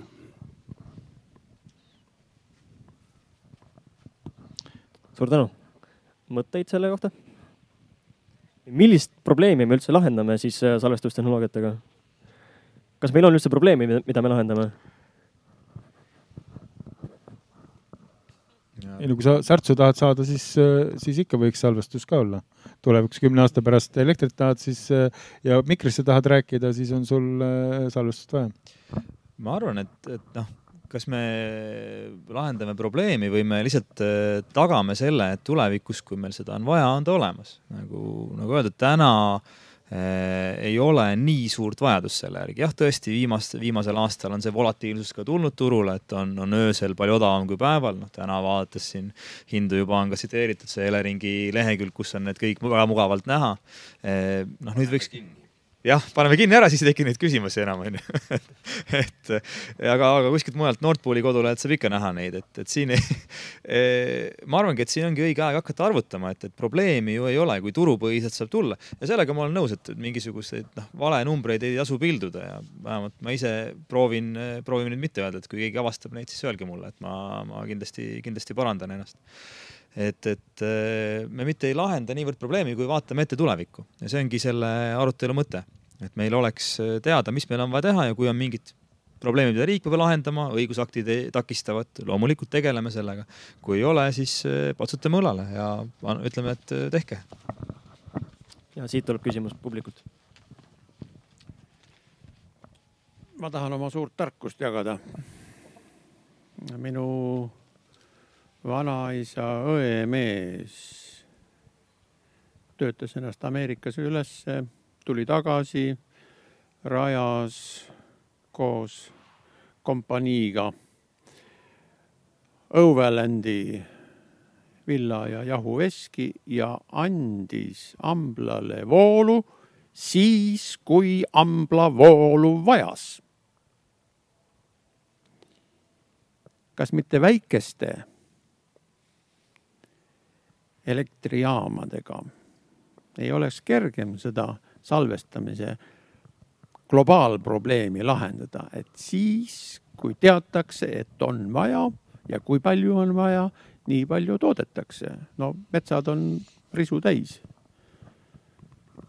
võib-olla vastaks elektriautodega seonduvalt, et kui sul on näiteks päikesepaneelid katusel ning sa suudad päikesepaneelist tuleneva energia enda autosse talletada ja seda vajadusel kasutada, et siis sa tegelikult toodadki just sellel hetkel, kui sul on päike olemas ja tarbid siis, kui sa reaalselt vajad seda mina, tohib kommenteerida? ikka, ikka. ei, ma arvan, et eh, ega tulevik ongi hajatootmine ja väiketootmine, siin ei ole, mina olen raudselt seda usku ja ma võin seda arvutustega ka põhjendada. Äh, siin on, siin on lihtsalt see lugu, et äh, see tehnoloogiate hulk, äh, mis seda hajatootmist võimaldavad konkurentsivõimeliselt suurtootmisega, neid on nagu väga vähe ehk et üks, mis on, on PV ehk siis päiksepaneelid, see on selgelt koos siis akudega äh, nii-öelda teema, mida, mida teha. no ütleme siis koos salvestusega, eks ole, kas ta on, kas ta siis on nüüd poliitkorrektne on ta siis vesinik või aku, et ütleme salvestusega. ja, ja võib-olla ka gaas mingites kohtades, kus võrguühendused võib-olla on kallid ja tasub üldse off-grid'i teha ja nii edasi, eks. näiteks Ruhnu või nii edasi, aga muude tehnoloogiatega on see mm, suurtehnoloogiad lihtsalt niivõrd palju nagu efektiivsemad. et see on, need on need piirajad, eks, mida tuleb kogu aeg meeles pidada. nii, aitäh. Äh, me rääkisime ennist, et, äh, et, mitte seda innovatsiooni tappa, tuleks äh, hoida nii-öelda mitte, mitte nagu raha lihtsalt priiskavalt laiali jagada erinevatele arendusprojektidele, erinevatele noh, nii-öelda elektritootjatele, aga siiski, mis see Äh, kuna meil on ühine eesmärk olla või saavutada mingisugune näiteks kliimaneutraalsus, see on praegu selline ühine eesmärk, siis kuidas need kaks äh, silmnähtavalt või, või, või natukene äh, vihjamisi vastaspooltel olevat sellist kivi omavahel siis nagu kokku nihutada et, äh, et ühest küljest me nagu tahame suunata mingisugust arengut, aga teisest küljest äh, me ootame, et see areng toimuks mingisuguse nii-öelda äh, orgaanilise arengu kannus. võib-olla Jaanus? Ja et, et noh, siin ongi see dilemma. noh, toome see, toome lihtsa näite Eestist. kui taastuvenergia toetus algas, siis see viiskümmend kolm koma seitse eurot megavatt-tunnist, mis anti elektri turuhinnale peale, oli täiesti põhjendatud, vähemalt tuulikutele. tõesti, tehnoloogia oli algusjärgus. Nende paigaldamine oligi uuem, riskid olid kõrgemad, kõike muud. samas koostootmisjaamadele oli ta palju noh, ja, ja no aga kui kõigile ühe, ühe sellise määraga jagada, siis saabki keegi rohkem ja keegi vähem ja nüüd on ka tuulikute hinnad nii palju alla tulnud, et ka praegu, praegu on see ilmselgelt liiga palju. ja selle jaoks on, on Euroopa, me ei pea ise kõiki lahendusi välja mõtlema, et Euroopa Liit on, on mõelnud lahenduse välja, mille nimi on vähempakkumised ja, ja noh, kui me näeme, et kuskil mingis valdkonnas on vaja arendamist, me saame teha ka tehnoloogia, mitte tehnoloogia neutraalseid vähempakkumisi, vaid tehnoloogia spetsiifilisi vähempakkumisi või pilootprojekte et, et noh, kui me vaatame, et vesinikule oleks vaja mingit tõuget, äh, kujundame vastava meetme ja paneme sinna raha. küsimus on selles, et kas meil noh, sellesama raha eest, mis me veel saame, et, et see on see piiratud ressursi küsimus et, et need lahendused on kindlasti olemas, need võib-olla varem nii hästi ei olnud teada. nüüd meil on see raamistik natuke parem, ehk siis äh, proovime saada väiksema ressursiga rohkem. kohe jätkuküsimus, kasutan võimalust ära et äh, eelmises arutelus äh, räägiti, noh, puudutati natukene seda riikliku energiakava äh, teemat, mis seal, mis seal sees on. puudutati ka siin, et vesinikku seal sees ühe lausega, eks ole, või ühe sõnaga, et ja samas ka teadusrahastusteemat ENMAK-i ehk siis energiamajanduse arengukava kontekstis. et kas ja kui palju siis riik noh, ma suunan küsimuse sinule. Äh, erinevates arengukavades või spetsiifiliselt just riiklikus energiakavas, mis peaks järgneva kümne aasta jooksul siis äh, nii-öelda põhilise arengukavana energeetikasektorit suunama, et kui palju siis taolistel innovatiivsetele lahendustele ruumi jäetakse sellises kavas? jah eh sellepärast meil ongi see dilemma, et, et esiteks, kui me tegema hakkame arengukava, siis see on pikk protsess, siis kui saab valmis, siis ta on juba aegunud, sest uus tehnoloogia on peale tulnud, võib-olla mingi asi on juba nagu öeldakse, et ei ole enam nii hea ja võib-olla ei leia kõik neid sobivaid sõnu sealt eh, seest, et eks peabki võib-olla tulevikus tegema kavasid, kus on kirjas tehnoloogia X ja siis kõik saavad nagu ise kirjutada ja täita neid, neid lünkasid. Ehm, teadus-arendustegevuse poole pealt, eh, eks me selle peale loodamegi, et kui me siin räägime kliimaneutraalsusest, siis ka Euroopa Komisjoni üle-euroopalised analüüsid eh, räägivad sellest, et, et me nagu kahe tuhande kolmekümne viiendani, neljakümnendani suudame selle trajektoori välja joonistada tänaste tehnoloogiatega. ja pärast seda peavad tulema juba tehnoloogiad, mis täna veel ei ole turul tõestanud ja need on vaja kuidagi saada turule, näiteks äh, süsiniku äh, kinnipüüdmine, salvestamine või siis süsiniku kinnipüüdmine ja kasutamine mingi uue toote loomiseks. vesinik on seal sees, äh, on, on teised tehnoloogiad, milline neist nüüd nagu kõige konkurentsivõimeliseks osutub, seda me veel ei tea. et, et aga me ei pea selle pärast täna muretsema. Täna me, aga me teame juba seda ette, et täna me võiksime tänast tehnoloogiat edasi minna, näiteks tuulepargid, näiteks päike, äh, näiteks biomassi koostootmisjaamad seal, kus on mõistlik ja siis noh, aeg läheb edasi, tegeleme nende teiste projektidega ka ja toome nad siis sisse, kui see aeg käes on. Peep soovib lisada. jah, mul selle vähempakkumise osas ma, ma olen nagu, ma olen natukene nagu ettevaatlik, et äh, Taavi äh, see äh, nii-öelda tuules me veeresime täna siia äh, ratastega Äh, siis si, si, si, Paidesse. jube hea lihtne oli, üks mees tegi. Äh, äh, pärast seda läksime Äh, läksime pesema ühte kooli, ma nime ei hakka ütlema ja, ja, ja kui me duši alla läksime, siis äh, dušil kukkus äh, see ülevalt see dušisegisti kukkus ära ja siis ütleme üldse, et dušš läks katki. ja tegelikult väga lihtsal põhjusel, see oli kõige, kõige käepärasemate vahenditega tehtud tuhte, siis dušš ehk et nii-öelda vähempakkumise tulemusena valminud maja, eks.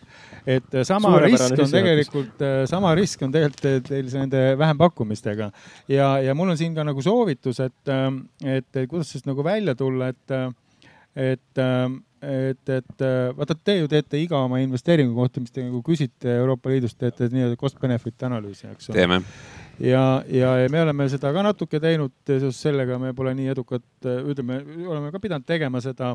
Ja ma enam-vähem kujutan ette äh, iga nagu sellise elektri tootmise tehnoloogia äh, noh, neid kasusid äh, ühiskonnale ja siis ka kulusid. Ja ma arvan, et, et, et see vähempakkumised ei ole paha mõte, kui need nii-öelda CBA-d ehk siis cost benefit analüüsid seal nii-öelda arvesse võtta, aga ainult hinnapõhiselt tehes mulle tundub, et juhtub samamoodi nagu selle kooli dušiga, noh no,.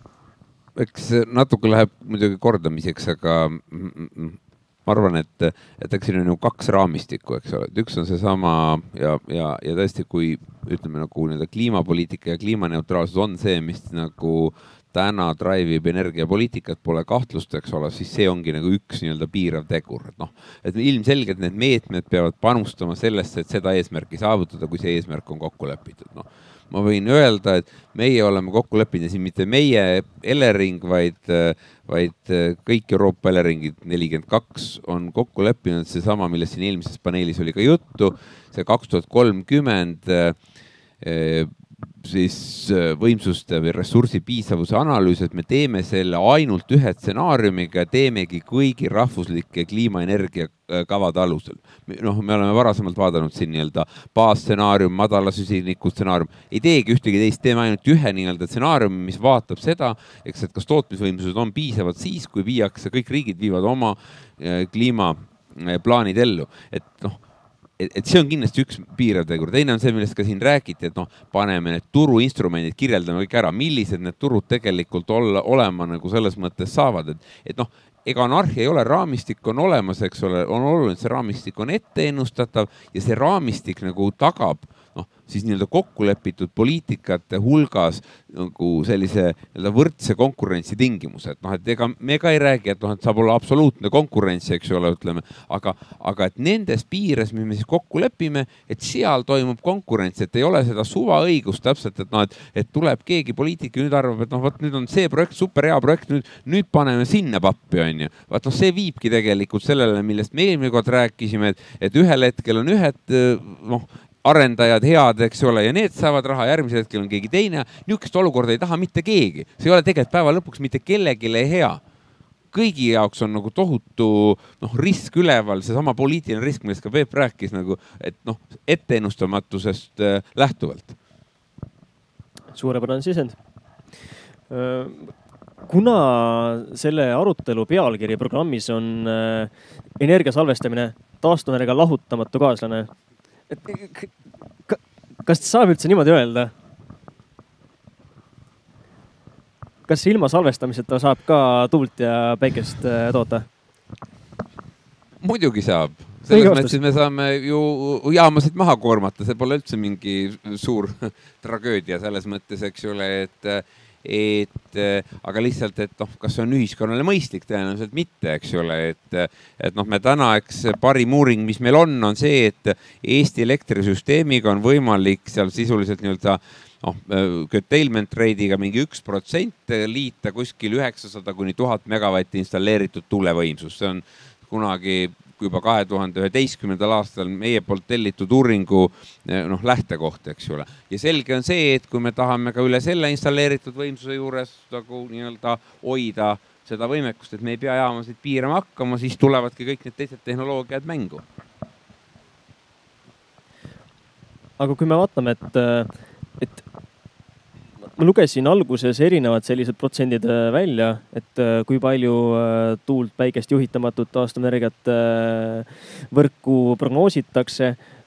ka Majandus- ja Kommunikatsiooniministeerium vähempakkumiste kavas plaanib sisse viia juhitamatu, juhitava võimsuse erisuse.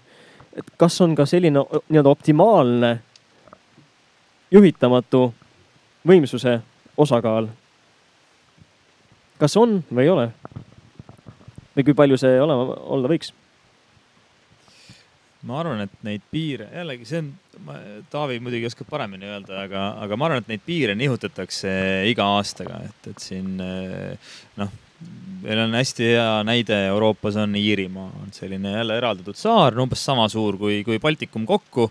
noh, nad praegu suudavad töötada seal viiskümmend viis protsenti tuult korraga süsteemis jah, jah, et see sõltub nagu sellest, mis sul seal juures on, et, et nagu mida rohkem sa tahad seda juhitamatut süsteemi, seda rohkem sul kaitsemeetmeid peab olema selle jaoks, et kui see läheb liiga kõrgeks või ära kukub, noh siis kas sul on mingi salvestus või sul on midagi, mida saad kohe käima panna.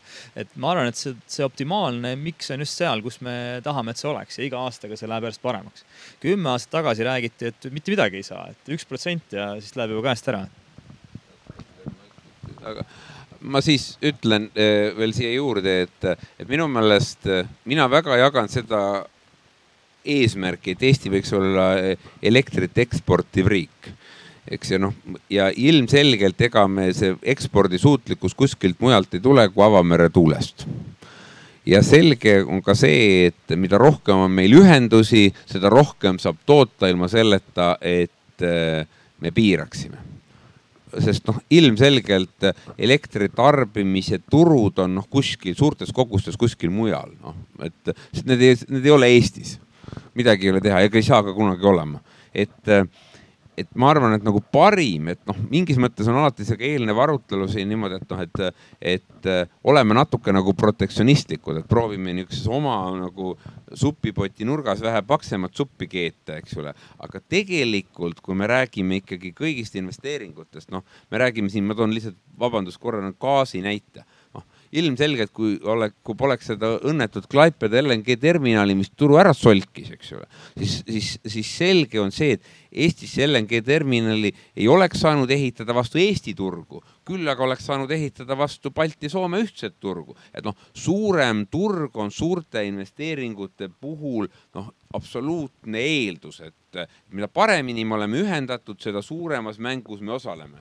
muidu me noh, teemegi siin üks pisikest värki niimoodi noh mega sinna, mega tänna. arusaadav. et ilmselgelt me, me liigume nii-öelda ikkagi tuleviku, tuleviku tuules. Äh, kes tahab, ütleb selle kohta ka energiapööre, eks ole, aga millised on need märksõnad?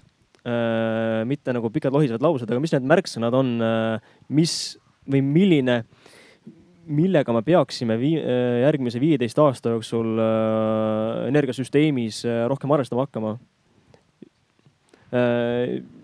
võib-olla Rain alustaks millega rohkem arvestada energiasüsteemis? jah, kui neid. pikalt ei pea, lihtsalt mõned märksõnad. sa võid okay. öelda ka, et elektriauto, eks ole. ja kindlasti, et et, et nagu ma alguses mainisin, onju, et äh, aastal kaks tuhat kolmkümmend äh, eeldatakse siis Eestis circa sada viis, sada tuhat kuni sada viiskümmend tuhat elektrisõidukit. ja ütleme selle jaoks, et kõik need sõidukid saaksid normaalselt laetud ja et äh, meie elektrivõrk peaks vastu, siis me peame siis piisavalt äh, paindliku turu tekitama, kus me, kuidas ma siis ütlen, piirame seda, et näiteks tipptunni ajal elektriautosid laadida, et me liigutame selle laadimise rohkem öisele ajale, kui tarbimine on üleüldiselt väiksem. Äh, samamoodi siis võib-olla kuidagi tarbijad, noh, ütleme sihuke prääniku ja piitsa meetod on ju, et, et seesama et võib-olla natukene karistada, kui ta tipptunni ajal laeb, aga samal ajal anda präänikut, kui ta tipptunni ajal ei lae, onju. ehk siis ma, ma, ma siiski usun, et, et turg on see, mis, mis tuleb nagu nii-öelda. selge, väga pikk märksõna. Äh, lähme sealt edasi. Äh, Peep, mõned märksõnad võib-olla viieteist aasta perspektiivis lisaks elektriautole, lisaks salvestusele um,? Mul on ettepanek eh, lõpetada ära rääkida eh, terminitest nagu mainstream energia, energiapööre, taastuvenergia ja nii edasi. Eh, räägime energia tootmisest.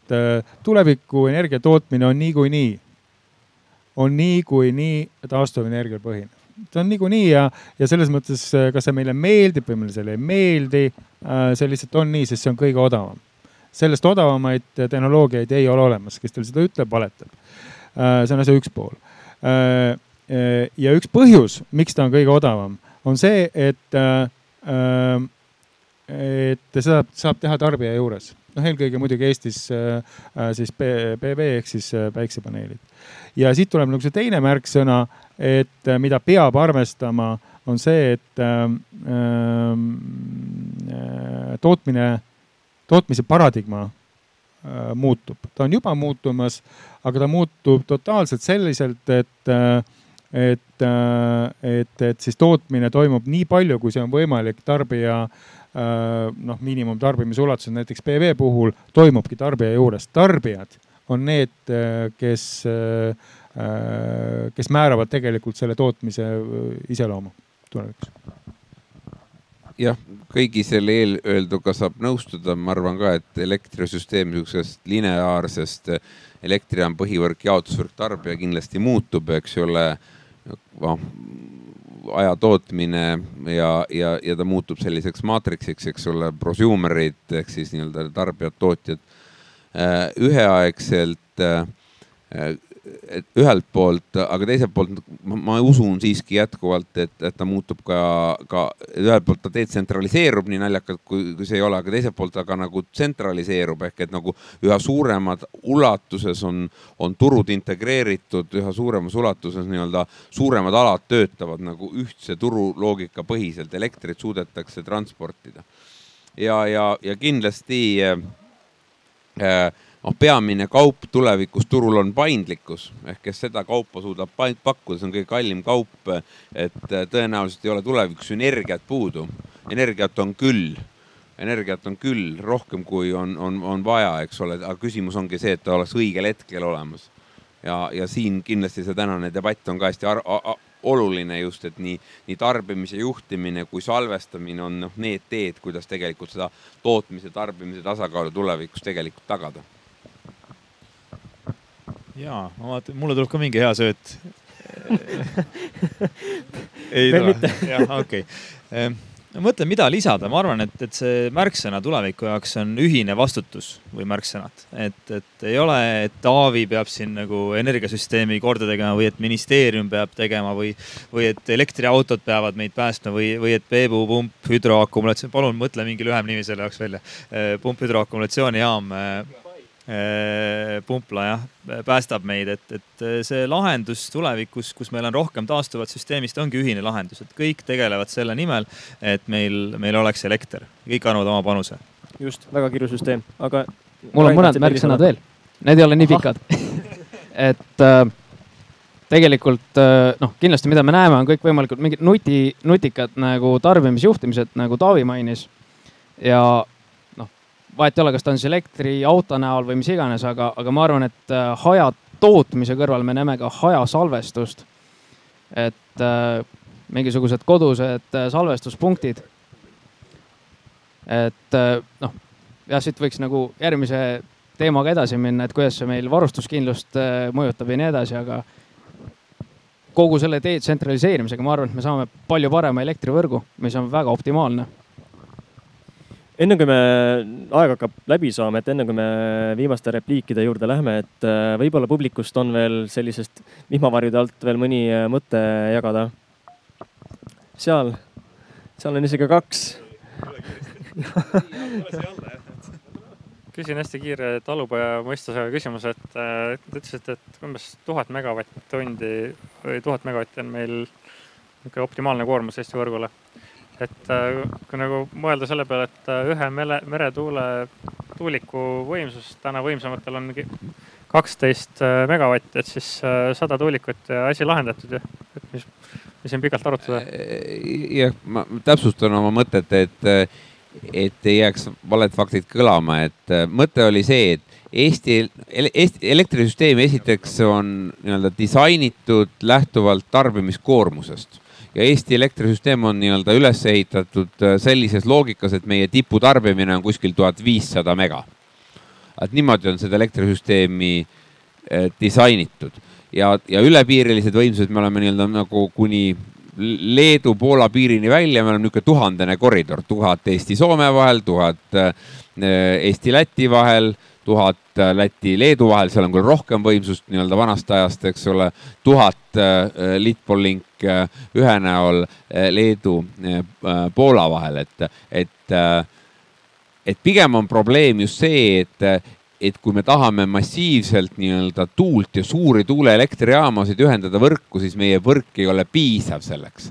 Võrk ei lase läbi nii palju elektrit. Ja nüüd ongi küsimus, et, et kas me seda võrgu läbilaskevõimet nagu massiivselt suurendame noh, Eesti võrgu läbilaskevõimet nagu kaldal, maismaavõrgul või me tegelikult rajame nii-öelda eraldi näiteks avamere võrgu, eks ole, millega me sisuliselt siis äh, äh, transpordime seda elektrit nii-öelda nendele turgudele, kus on suurem tarbimisnõudlus kui see tuhat viissada megavatti tiputarbimisena, mis täna Eestis on.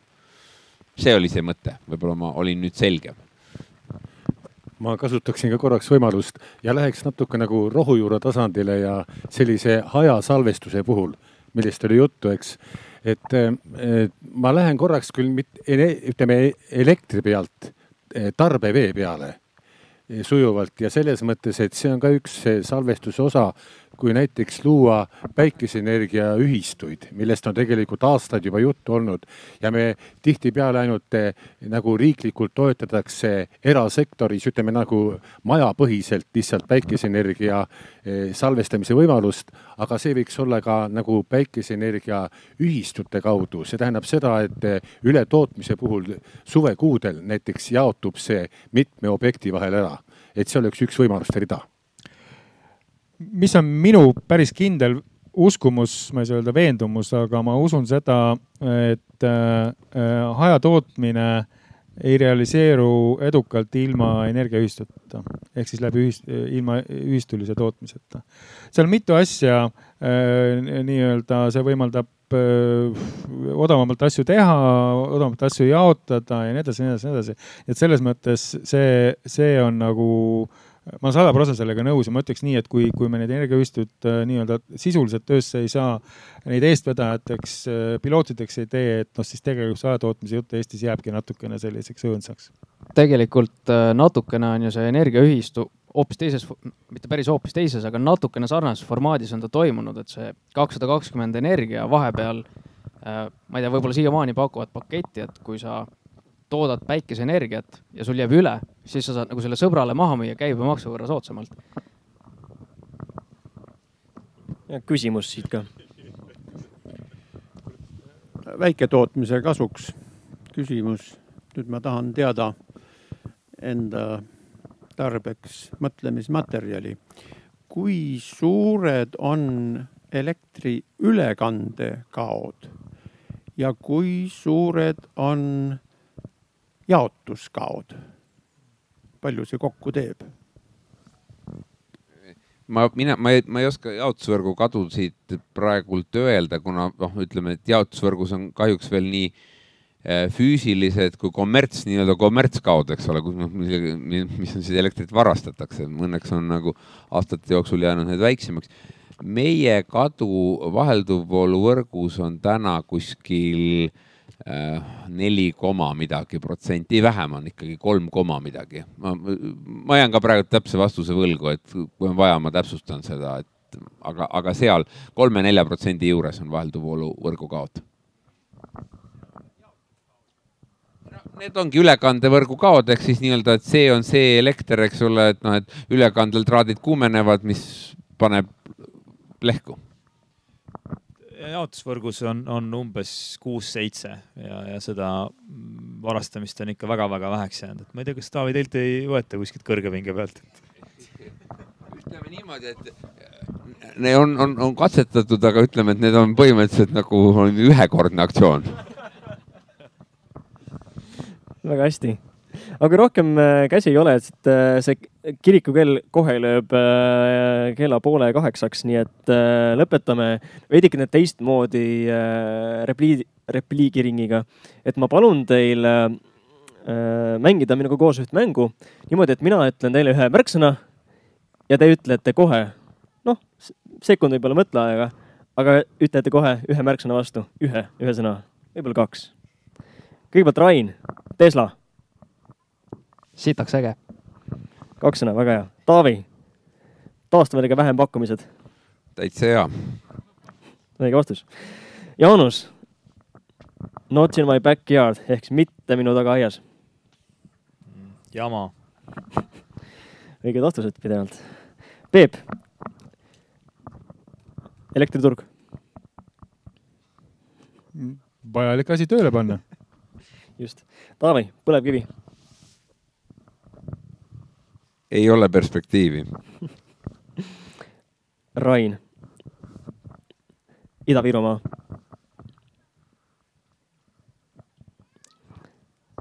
ilusad tuhamäed. Peep, Paldiski. uus Ida-Virumaa Jaanus, rafineerimistehas. tuleb mõelda Rain, vesinik liiga kaugel tulevikus Peep, CO2, CO2 kvoodi hind? nelikümmend kuni sada nelikümmend. mis perspektiivis? kaks tuhat nelikümmend. Nonii. Taavi, kliimaneutraalsus. teeme ära. ja viimane, Jaanus, kaitseministeerium. Väga vajalik Eesti jaoks, kindlasti. suurepärane, aga teemegi aplausi ja lõpetame niimoodi meie vooru aitäh. ja kui mul mikker veel juhib, äh, siis homme on sellel alal päikeseelektri töötuba, äh, näidatakse, kuidas äh, luua katusele elektrijaam, võrguühenduseta elektrijaam ja maapinnal elektrijaam. tuleb Eesti kui startup riik, üks paneel ning viimane paneel tuleviku energiavõrgustikust. kohtume homme. tänaseks on programm läbi